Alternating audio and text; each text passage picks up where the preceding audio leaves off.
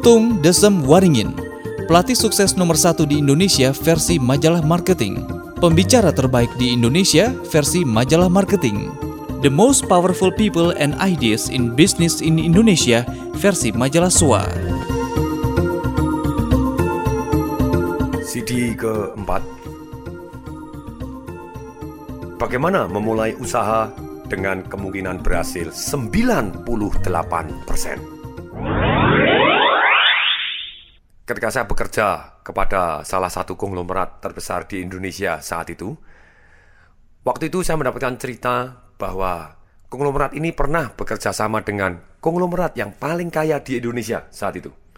Dua konglomerat ini mendapatkan hak menebang hutan, hak mengelola hutan, menebang hutan di Irian Jaya Jenis usahanya sangat menguntungkan, tinggal tebang, des, jual, pasti menguntungkan. Ternyata banyak hal detail karena dua konglomerat ini bukan bidangnya untuk mengelola hutan dan tidak punya pengalaman di sana sama sekali. Apa yang terjadi? Mereka cari alat-alat berat yang murah. Second buatan Cina. Terus kemudian pada waktu itu belum tentu sekarang begitu ya. Pada waktu itu buatan Cina sangat-sangat ringkih, gampang rusak. Dan ketika rusak di Irian Jaya, ternyata harus dikirim ke Jakarta dulu baru bisa dibetulkan. Dan baru dikirim lagi pakai kapal, makan waktu yang sangat lama pergi ke Irian Jaya. Akibatnya sering kali produksi berhenti. Dan pada waktu hujan, ternyata alat berat tadi tidak bisa jalan. Padahal walaupun konglomerat ini banyak uang, biasanya dia menggunakan uang orang lain, yaitu uang bank.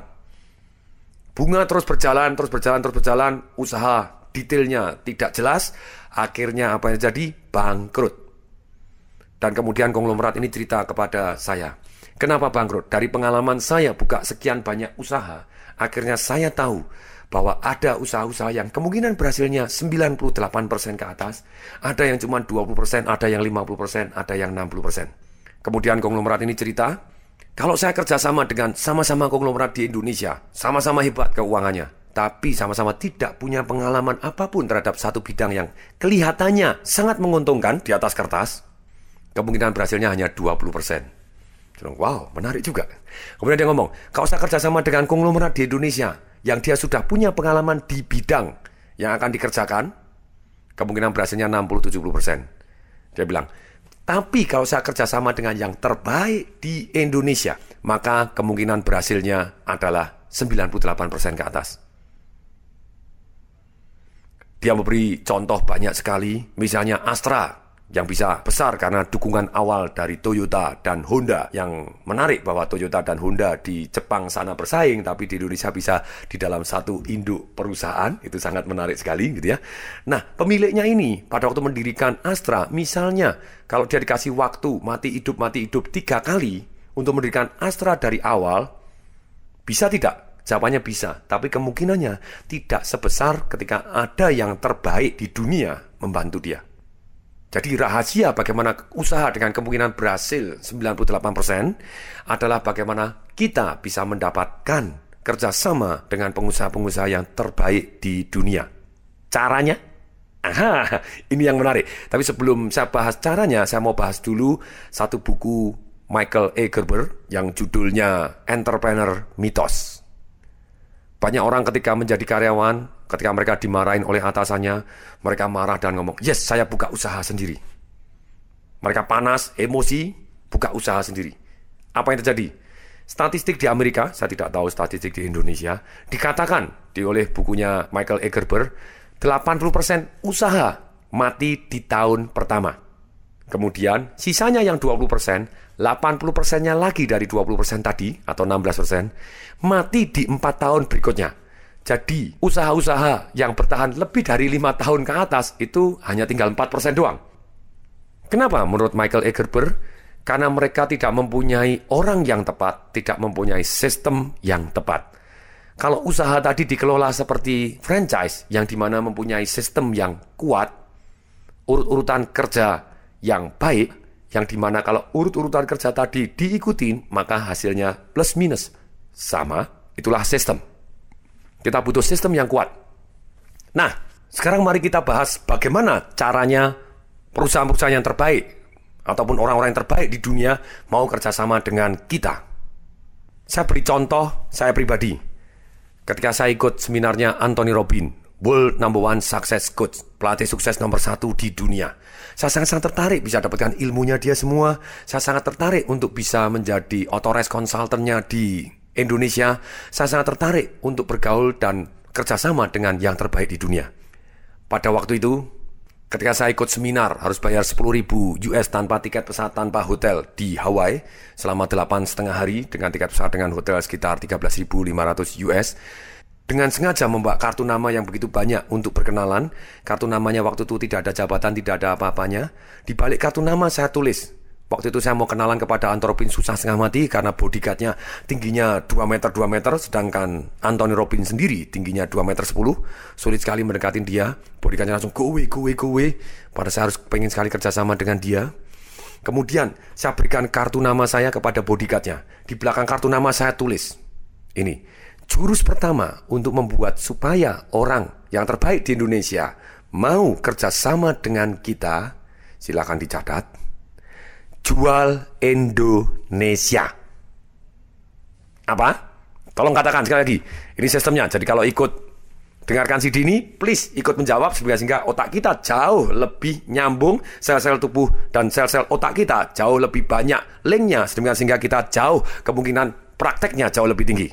Sekali lagi saya jawab. Supaya orang lain atau orang di luar negeri mau kerjasama dengan kita, jurus nomor satu adalah apa? Jual Indonesia. Adalah apa? Aha, jual Indonesia. Nah, ketika saya tulis di kartu nama, do you know Indonesia is 220 million people?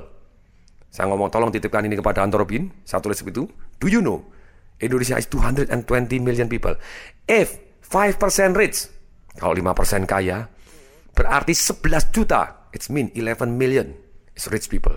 Saya bilang not like Singapore karena dia sering datang ke Singapura. Singapura only 3.5 million and not all rich people.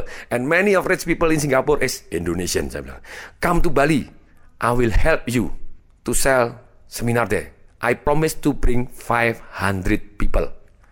Nah, saya titipkan kartu nama nih kepada bodyguardnya, kepada kepala bodyguardnya. Istrinya lewat, saya titipkan kepada istrinya. Kepada GM-nya, saya titipkan kepada GM-nya. Saya, direkturnya lewat, saya titipkan kepada direkturnya. Presiden direktur perusahaan Tony Robbins Company, saya titipin semuanya. Ketika saya titipin semuanya, masih tidak ada sambutan. Sekian hari kok tidak ada yang ngajak saya ngomong. Saya pergi ke resepsionis di hotel. Saya bilang, Tony Robbins kamarnya nomor berapa? Tidak dikasih tahu karena dicurigain nanti pisang makan pisang gitu ya. Ya udah saya titip. Saya bilang, please kasih kartu nama ini ke kamarnya Anto Robin. Kamu tahu nggak, 200, nasibnya 220 juta orang berada di tanganmu. Kemudian pada waktu akhirnya di hari terakhir, hari ke-9 seminar, kemudian saya sempat lari di belakang panggung, saya pegang tangannya Anto Robin. Pek! Dia tingginya 2 meter 10 dan melirik ke bawah ngelihat saya. Yes, what's up? Give me 30 seconds. Saya bilang, kasih saya 30 detik, 30 detik. Kebodikannya, go away, go away, no time, no time, no time. Antropinnya sangat baik. Sure, what's up? No problem. Dia bilang gitu. Oke. Okay. Oh, do you know? My name is Tong Desemaringin. I come from Indonesia. Langsung dia nyantol. Oh, ya, ya, ya, ya, ya. You are the one that have so many cards, yes? Dikira, ya bener kartu saya bilang. Langsung saya bilang, ya, ya, that's me, that's me. Do you want some more? Saya bilang gitu, saya kasih kartu lagi. Nih, masih punya kartu nama lagi. Saya bilang, dia langsung senyum. Oh, you so good kan. Dan kemudian dia ngomong, yes, what's up? Okay, please come to Indonesia. I will bring you 500 people to attend your seminars gitu ya, at least gitu ya. Kemudian dia ngomong, sure, how about April? Wow. Langsung dia tanya, how about April? Jelas sekali dia ngomong waktu itu. Bagaimana kalau April pada waktu tahun 2001? Bagaimana kalau April tahun 2002? Saya dan itu deal kalau istilahnya sekarang begitu ya dan gitu ya selesai oke okay, Sure, nanti kita kontak. Kamu kontak ya kepada Mr. Sam nih, presiden director saya gini nih. Yes, I will contact through internet. Oke okay, ya, gini nih. Dia langsung, wih, I feel good gitu ya. Ternyata terjadi masalah pada waktu itu tahun itu demo-demo gitu ya.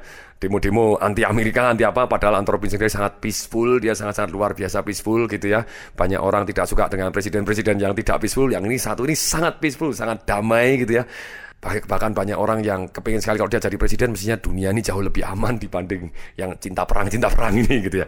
Nah tapi pada waktu itu akhirnya seminarnya tidak dijadikan. Tapi apa yang terjadi? Saya sudah punya connect dan kenalan. Dan akhirnya saya kerjasama dengan Mr. Richardan. Saya datang ke kantornya, saya jual Indonesia lagi. Please come to Indonesia. Do the seminar in Indonesia. Indonesia 220 million people. Tapi itu pertanyaan yang bagus. Untungnya pada waktu saya ngomong Indonesia is 220 million kepada Anton Robin, kepada Richardson, kepada siapa pun sampai hari ini. Saya hampir saja tidak pernah ditanya, apa hubungannya? Coba, kalau ditanya hubungannya kira-kira jawaban saya apa? Baik-baik saja. Nah, tidak ada hubungannya kok gitu ya. Saya dengan rakyat Indonesia ya hubungannya baik-baik saja gitu ya. Nah, tapi saya jual rakyat Indonesia yang pertama, jurus pertama. Yang kedua, saya promise untuk membantu dia. Jadi saya bukan kenal dengan orang yang sangat sukses tadi untuk cari kerjaan, atau cari sumbangan, atau cari utang, problemnya yang terakhir tuh kebanyakan orang malah tiga-tiganya dirangkap sekalian. Kalau tidak cari utang ya cari sumbangan sekaligus cari kerjaan. Nah itu yang repot gitu ya. Nah tapi saya pribadi no. Saya datang untuk membantu kepentingannya dia. Akhirnya terjadi hubungan yang baik. Waktu itu saya jadi eksklusif authorized consultantnya untuk Anton Robin. Kemudian event organizer Success Resources yang termasuk terbesar di dunia mendadak jadi partner saya mendirikan event organizer di Indonesia. Nah, kemungkinan berhasil saya jadi 98% gitu ya. Sama persis ketika Anda beli franchise-nya McDonald juga ada yang tutup, tapi kemungkinan berhasilnya sudah di atas 90% tadi gitu ya daripada franchise yang kemarin sore gitu ya. Nah kalau Anda mau beli franchise, saran saya hati-hati. Lihat dulu, minimal dia mestinya sudah bertahan 4 tahun perusahaannya. Jadi kemungkinan berhasilnya jauh lebih tinggi. Karena kalau sudah lewat 5 tahun, berarti ya termasuk 4% perusahaan yang bertahan. Jangan pilih Perusahaan-perusahaan yang jual franchise hanya untuk cari keuntungan di depan. Tidak ada edukasinya untuk sistem marketingnya, tidak ada sistem kontrolnya, tidak ada sistem pendidikannya. Jangan dibelilah gitu ya. Cari yang bertahan minimal sudah 4 tahun, 5 tahun, jadi Anda kemungkinan berhasilnya jauh lebih tinggi. Atau Anda bisa juga cari yang di luar negeri yang bagus dan dibawa ke Indonesia, itu kemungkinan berhasil Anda jauh lebih besar dibanding kita usaha sendiri yang tidak tahu juntrungannya. Misalnya begini, saya mau menerbangkan pesawat nih, ada yang mau ikut? Ikut? Tolong jawab. Ayo, ikut? Mau. Ada yang tidak mau. Kenapa tidak mau? Ketika saya tanya, Bapak sudah pernah belum? Belum. Loh, saya ini kaya loh. Tahan banting, jujur. Tahan banting, tapi belum tentu Anda jangan banting juga. Loh, kalau saya belum pernah Anda mau? Nah, rata-rata orang ketika buka usaha, mereka melakukan satu yang namanya, yes, pokoknya saya emosi, saya ambil keputusan, saya mau usaha ini, titik. Padahal dia tidak punya pengalaman, tidak mempunyai keahlian, Nah celaka, akibatnya kemungkinan berhasilnya jadi sangat-sangat sedikit. Kalau saya sudah berterbang berpuluh-puluh kali, saya sudah latihan begini, Anda percaya dengan reputasi saya dan kemungkinan berhasilnya jauh lebih tinggi, makanya ikut saja nggak apa-apa. Tapi kalau belum, jangan gitu ya. Nah, sebelum saya lanjutkan tentang bagaimana membuat usaha kemungkinan berhasil 98%, satu, resepnya adalah kerjasama dengan yang terbaik di dunia tadi. Nah, ada orang tanya, Pak terbaik di dunia, saya ini jarang ya keluar negeri gitu ya. Saya ngomong, eh kalau kita tidak bisa cari yang terbaik di dunia, cari yang terbaik di Asia. Asia tidak bisa cari yang terbaik di satu negara, entah di Singapura, di Bangkok, atau di Thailand sana, atau di Malaysia, silakan di New Zealand, di Australia silakan. Pak, jangan keluar negeri, sekalipun tidak pernah ya Pak, gitu ya. Tidak punya duit, ya sudah cari yang terbaik di Indonesia di Indonesia tidak bisa cari yang terbaik di Jakarta. Jakarta tidak bisa cari yang terbaik di Nganjuk pun boleh. Lu saya ngomong ini dalam arti sungguh-sungguh loh nih, banyak yang ketawa gitu ya. Tapi dalam hal ini Nganjuk misalnya ada rumah makan yang begitu indahnya, ramai sekali, sudah 20 tahun buka, sudah punya nilai tambah resep yang enak dan terbukti laku. Kenapa tidak kita datang? Pak, Anda tahu Pak, di Indonesia ada 220 juta orang. Apa hubungannya? Baik-baik saja gitu ya. Kemudian kita ajak kerjasama gitu ya. Kayak saya punya toko buku di Jogja. Togamas begitu ya. Pada waktu saya datang di Malang pada waktu itu saya lihat, wih toko buku sudah 9 tahun, laku luar biasa, kacang goreng saya bilang, Pak, Anda tahu nggak Indonesia ada 220 juta orang. Kenapa hanya satu? Kalau kita buka toko banyak, Anda kan jauh lebih makmur. Ya akhirnya setuju, akhirnya kita deal, kita buka bersama. Mari kita buka, saya bantu sistem bantu gini, akhirnya setuju buka di Jogja. Kemudian akhirnya pemiliknya buka sendiri di mana-mana, ya silakan itu haknya dia. Walaupun konsepnya mestinya dikerjakan bersama begitu ya. Tapi nggak apa-apa, dia boleh aja dia buka di mana-mana. Tapi yang milik saya adalah di Jogja salah satunya. Nah, cari misalnya tadi di Nganjuk dan kemudian Anda temukan rumah makan dan Anda ajak kerjasama buka franchise-nya. Ada orang tanya lagi, Pak, lah kalau saya tidak bisa sistem franchise-nya, tidak bisa ngembang gini, tidak masalah, penting nomor satu buka dulu satu cabang dulu, entah di mana, di Surabaya, di Jakarta atau di kota Anda. Buktikan resepnya bagus, bagi hasil atau segala macam seperti ini. Dan kemungkinan berhasilnya satu cabang ini lebih banyak dibanding Anda yang mulai tanpa keterampilan sama sekali, tidak punya pengalaman, tidak punya dukungan segalanya, repot. Lebih baik Anda punya dukungan dari orang yang sudah terbukti berhasil. Nah, setelah kita sudah tahu bahwa kalau kita kemungkinannya berhasil 98% yaitu kerjasama dengan yang terbaik, bagaimana supaya orang yang bekerja sama kita mau, orang-orang yang terbaik ataupun perusahaan terbaik di dunia mau, yaitu jual Indonesia dan kita membantu kepentingan dia di Indonesia. Berikutnya, bagaimana kita bisa berkenalan dengan orang-orang seperti itu? Saran saya, ikut seminar. Keluar dari kota kita, keluar dari negara kita. Lupa bahasa Inggris tidak lancar. Tidak masalah, belajar. Terus kita berani, walaupun kita cuma paham 10%, 20%, pergilah ke luar negeri. Dan karena begini, jarang sekali atau boleh ngomong tidak ada, ada orang-orang yang sangat kaya atau perusahaan-perusahaan yang sangat sukses kalau Anda bukan siapa-siapa, mereka terus datang ke tempat rumah Anda, ketok-ketok pintu, tok-tok-tok, permisi, mau ndak Anda kerjasama dengan saya? Sudah sangat-sangat jarang kemungkinan itu terjadi. Jadi, alangkah lebih baiknya kalau kita yang aktif pergi ke luar negeri, kita melihat begitu banyaknya perusahaan-perusahaan yang terbaik di dunia yang belum ada di Indonesia, kemudian kita ajak mereka datang ke Indonesia. Kalau misalnya satu menolak, kita ngomong next. Satu menolak, kita ngomong next. Satu menolak lagi, kita ngomong next. Satu aja ada yang mau, hidup kita akan berubah bumi dan langit. Kemudian, tips berikutnya, kalau kita mau memulai usaha yang kemungkinan berhasilnya tidak 98% atau misalnya 10% atau 20%, boleh tidak? Boleh. Dengan syarat dua hal. Satu, alangkah baiknya kalau jenis usaha yang berisiko tinggi tadi pada waktu berhasil memang membawa keuntungan yang sangat-sangat besar, 1000%, 2000%, atau 3000%. Yang kedua, syaratnya adalah modal kita yang kita gunakan lebih baik tanpa modal atau lebih baik tidak boleh lebih dari 5% dari total keuangan kita karena kemungkinan berhasilnya cuma 10% gitu ya. Jadi apabila belum berhasil, kita masih bisa ulangi lagi, ulangi lagi, ulangi lagi dan ketika berhasil kita mendapatkan manfaat ataupun hasil yang sangat-sangat besar. Nah, kalau begini ada orang tanya lagi. Pak, kalau begitu, apakah kalau saya tidak punya pengalaman, saya tidak boleh buka usaha sama sekali? Kalau tidak punya kerjasama? Eh, saya bilang, boleh. Selama kita manage risikonya. Risiko adalah, apa itu? Apa bedanya risiko dengan berisiko? Risiko, kalau kita kepengen sukses di dalam bisnis, kita harus mengelola risiko. Dan kita harus tahu apa itu bedanya risiko dengan berisiko. Risiko adalah akibat bisa positif, bisa negatif. Resikonya Anda olahraga, terus kemudian makan dijaga, ya ada positifnya, ada negatifnya gitu ya. Misalnya positif, Anda jadi lebih sehat. Negatifnya, mungkin Anda jadi lebih capek, silakan begitu ya. Atau capek nikmat juga boleh, itu jadi positif. Tapi ada resiko, itu ada akibat positif, ada negatif. Tapi pada umumnya, orang menganggap resiko adalah akibat yang negatif. Nah, resiko itu ada dua macam.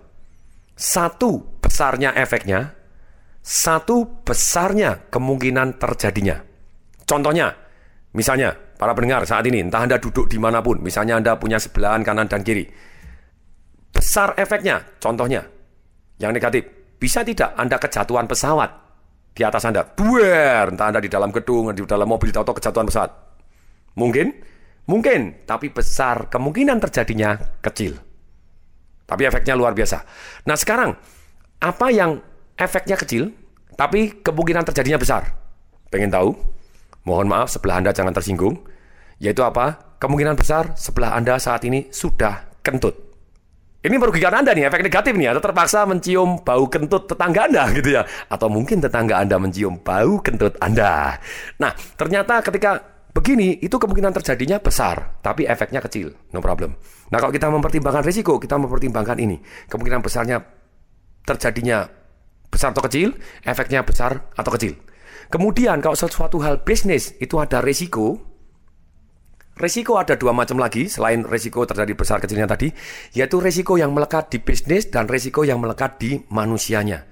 Ketika kita mempertimbangkan satu peluang bisnis, rata-rata manusia miss karena dia melihat risiko bisnisnya doang tanpa melihat risiko dari dirinya dia sendiri dalam ikut bisnis ini. Maksudnya apa? Maksudnya ketika ada penawaran bisnis, wah ini untungnya banyak sekali, aman, dijamin oleh notaris. Notaris ngomong bahwa dia menjamin dengan hartanya dia pribadi segala macam seperti ini pasti akan memberikan keuntungan minimal sekian. Kelihatannya bagus sekali. Nah karena dia merasa bagus sekali dan kemungkinan jeleknya kecil terjadinya, kemungkinan untungnya besar dan kemungkinan terjadinya besar untung gitu ya. Saya ulangi kalau terlalu cepat. Dia merasa bahwa ada peluang bisnis yang luar biasa, yaitu kemungkinan untungnya besar dan kemungkinan terjadi untung tadi besar, sedangkan kemungkinan rugi kecil dan kemungkinan terjadi rugi yang sudah kecil ini kemungkinan terjadinya juga kecil. Yes, saya masuk, masuk begitu besarnya.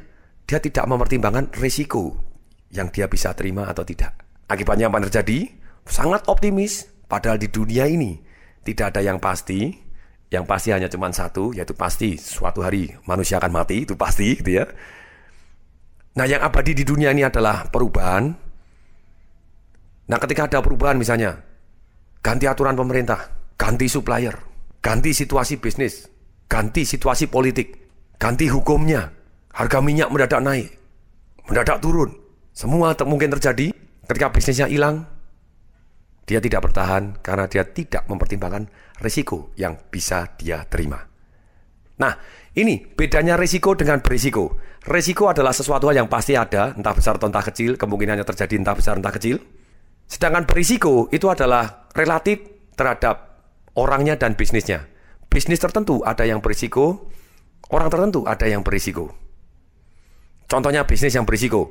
Apabila bisnis tadi kita tidak tahu juntrungannya dari mana, terus kita baru kenalan gitu ya, butuh utang yang begitu besarnya, kemungkinan menangnya juga kita tidak tahu, ya akibatnya berisiko bisnis tadi. Sedangkan berisiko menurut kita itu adalah bisa kita terima atau tidak yang melekat pada diri kita. Bisa kita terima atau tidak. Contohnya misalnya, misalnya ada satu orang mau usaha baru, dia usaha di bisnis yang dia tidak tahu, nggak pernah terjun. Orang yang diajak kerjasama juga baru kenal, nggak tahu karakternya dan kompetensinya dia. Terus tingkat keuntungan, tingkat kemungkinan berhasilnya juga kita ragu-ragu. Terus modalnya begitu besarnya, misalnya 100 miliar. Dan Anda harus utang 99 miliar. Dan jaminan tidak cukup, akhirnya Anda utang. Misalnya ini ada yang mau ngutangin Anda. Mafia misalnya begitu.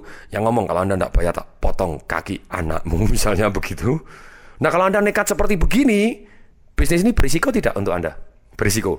Tapi pertanyaan saya, dengan bisnis yang sama, bisnis yang berisiko ini, kalau yang invest adalah Bill Gates, bisnis tidak tahu juntrungannya, partnernya yang diajak ya baru kenal dan baru aja keluar dari hukuman 20 tahun di penjara, berarti tidak pernah bisnis lagi, 20 tahun di penjara karena nipu orang banyak, misalnya begitu. Terus itu kan berarti bisnisnya berisiko sekali gitu ya, jenis bisnisnya. Tapi bagi Bill Gates, 100 miliar berisiko, 10 juta US berisiko untuk dia? No. Bill Gates kekayaannya 58 miliar US dollar gitu ya. Jadi kan 10 juta bagi dia Aduh, orang nyumbang dia untuk penelitian AIDS 1 miliar US dollar. Dia nyumbang seluruhnya berapa? 36 miliar atau apa hartanya disumbangkan doang begitu ya. Nah, apalagi cuma 10 juta. Kalau tidak berhasil, tidak ada efeknya untuk dia. Jadi bisnis yang berisiko ini tidak berisiko untuk Bill Gates.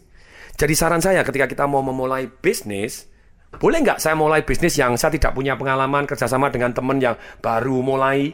Boleh, selama risiko bisnisnya atau risiko diri Anda itu bisa Anda terima. Jadi pada akhir katanya gitu ya, akhir perhitungannya itu istilahnya risikonya mau kita terima nggak dan bisa kita terima nggak. Kalau tidak bisa kita terima dan tidak mau kita terima, sebetulnya bisnis tadi seaman apa pun bisa jadi berisiko untuk kita, belum tentu untuk orang lain ya. Dengan cukup jelas ini kita bisa mempertimbangkan peluang-peluang. Misalnya contoh saya, ada peluang, wow, buat tabung gas. Wah, ini Indonesia pada satu saat wah mau ganti konversi dari minyak ke gas karena harganya mahal sekali.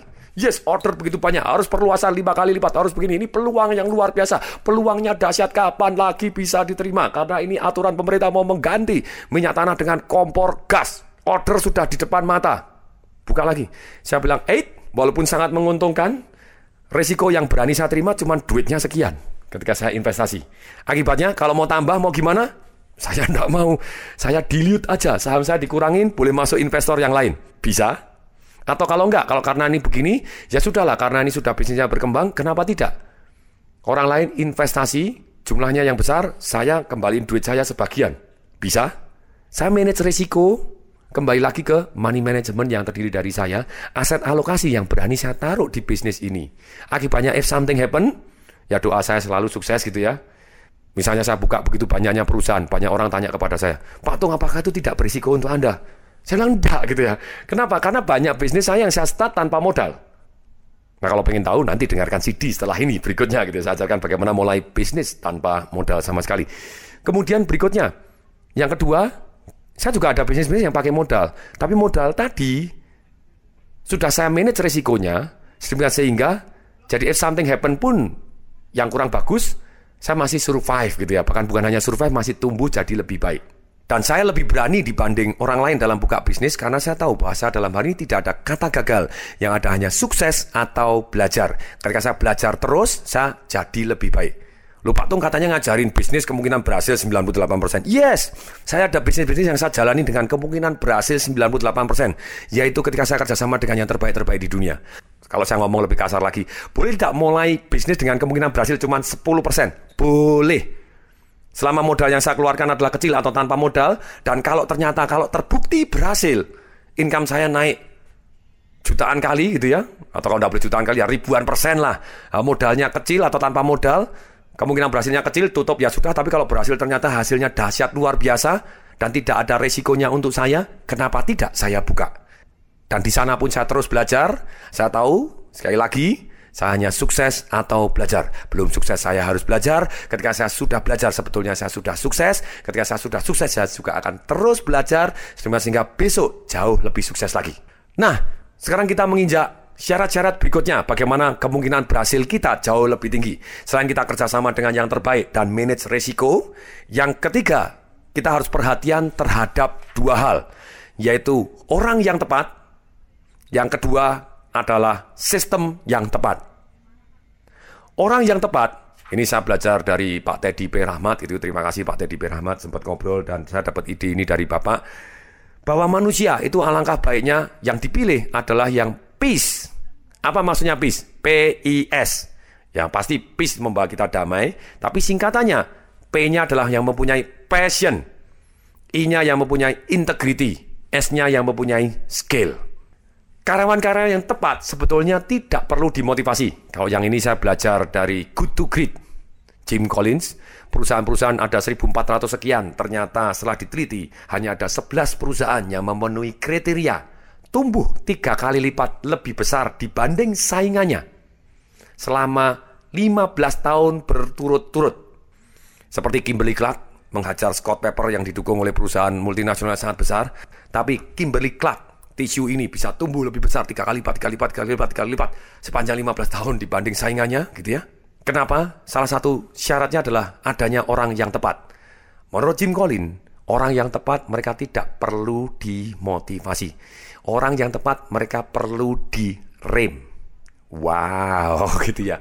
Kalau Anda kepengen benar-benar sukses, cari karyawan-karyawan yang butuh direm. Seperti hari ini event organizer saya itu butuh direm gitu ya. Seringkali saya telepon jam 8 malam, ayo pulang, ayo pulang. Karena mereka pulangnya jam 3, jam 4 pagi seperti orang gila, jadi saya butuh ngerem. Ini yang menarik.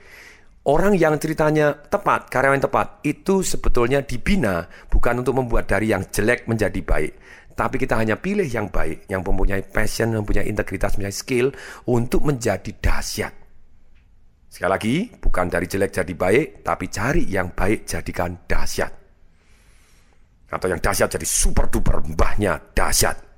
Nah, caranya nyeleksi katanya gitu kalau karyawan itu ada caranya. Itu saya memberikan training bagaimana merekrut karyawan yang lebih baik gitu ya, yang kita temukan yang punya passion, yang punya integritas, yang punya skill. Nah, kalau kita sudah telanjur merekrut karyawan, kita tinggal undang orangnya, kita minta. Oke, selama lima tahun ini Anda kerja di tempat saya, apa yang sudah Anda lakukan? Suruh dia cerita.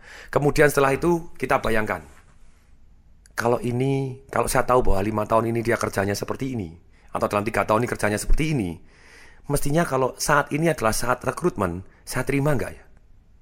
Kalau jawabannya tidak, lebih baik karyawannya tidak perlu dibina, langsung dibinasakan.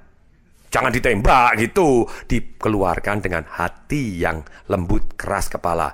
Prinsipnya keras, pesangonnya yang banyak disampaikan dengan cara yang lembut gitu ya. Nah, kemudian itu ada seninya juga itu trainingnya ada bagaimana mengeluarkan karyawan dengan sangat baik dan yang dikeluarkan malah terima kasih gitu ya. Nah, terus kemudian kita juga ada satu ukuran lagi ketika karyawan kita sudah kerja kepada kita lama, kita undang dia, kita bayangkan kalau orang ini mendadak ngomong, Pak saya mau mengundurkan diri atau memajukan diri, terserah istilahnya yang positif gitu ya. Karena saya terima warisan Pak, saya gini nih, saya tidak kerja lagi. Nah, Anda yang rasakan apa? Kalau Anda malah lega, syukur. Aduh, syukur kamu mau keluar.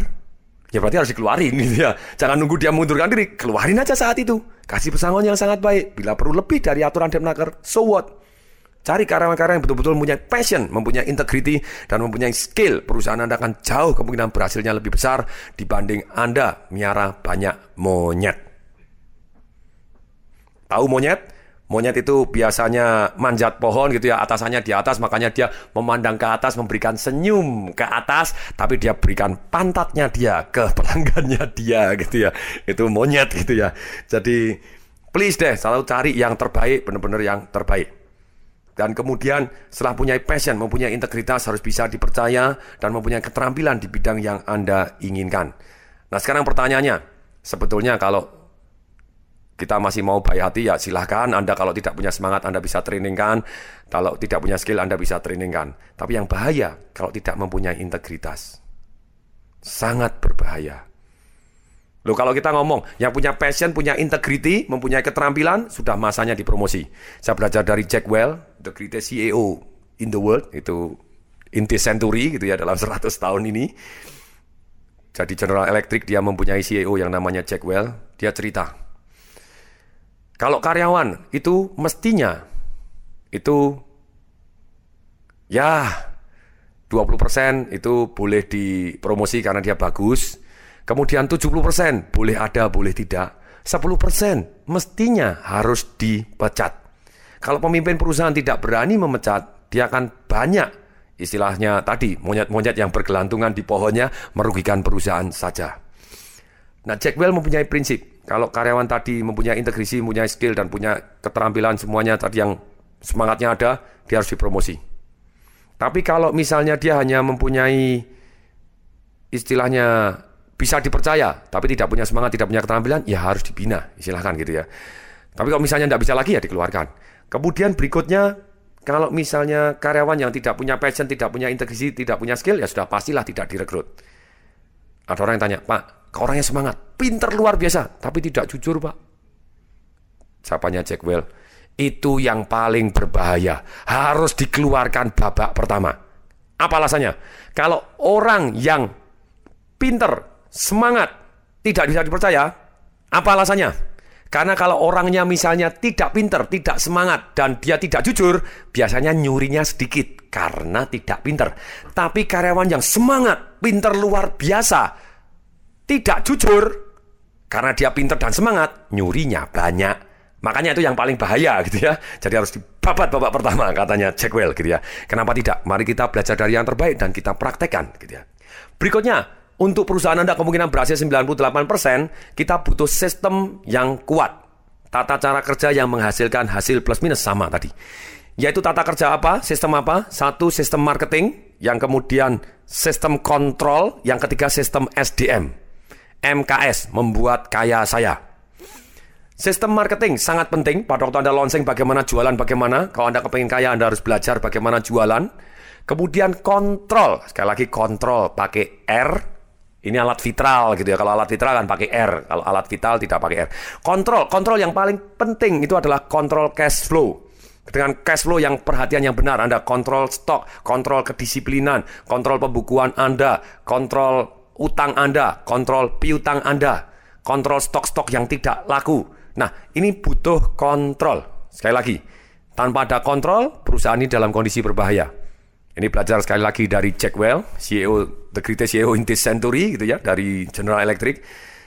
Negara yang kuat pun dia perhatian kepada tiga hal ini. Marketingnya, kontrolnya, dan SDM-nya. Marketing ini mass medianya katanya, kemudian kontrolnya ini bisa kepolisiannya dia, angkatan bersenjatanya dia, terus keuangannya dia gitu ya. Kemudian SDM, universitas-universitasnya akan kuat adanya suatu negara. Nah setelah kontrol di dalam perusahaan, Anda butuh sistem SDM, sistem monitoring, sistem reward, sistem punishment, dan sistem pembinaannya. Nah dengan tiga sistem ini, perusahaan Anda akan jauh lebih kuat. Demikian, semoga bermanfaat. Saya Tung Desa Maringin mengucapkan salam dahsyat. Informasi seminar atau pelatihan untuk meningkatkan motivasi, sales, dan marketing perusahaan, Anda bisa menghubungi nomor telepon 021 547 6677. 021 547 6677 021 547 6677 atau klik di www.dasyat.com.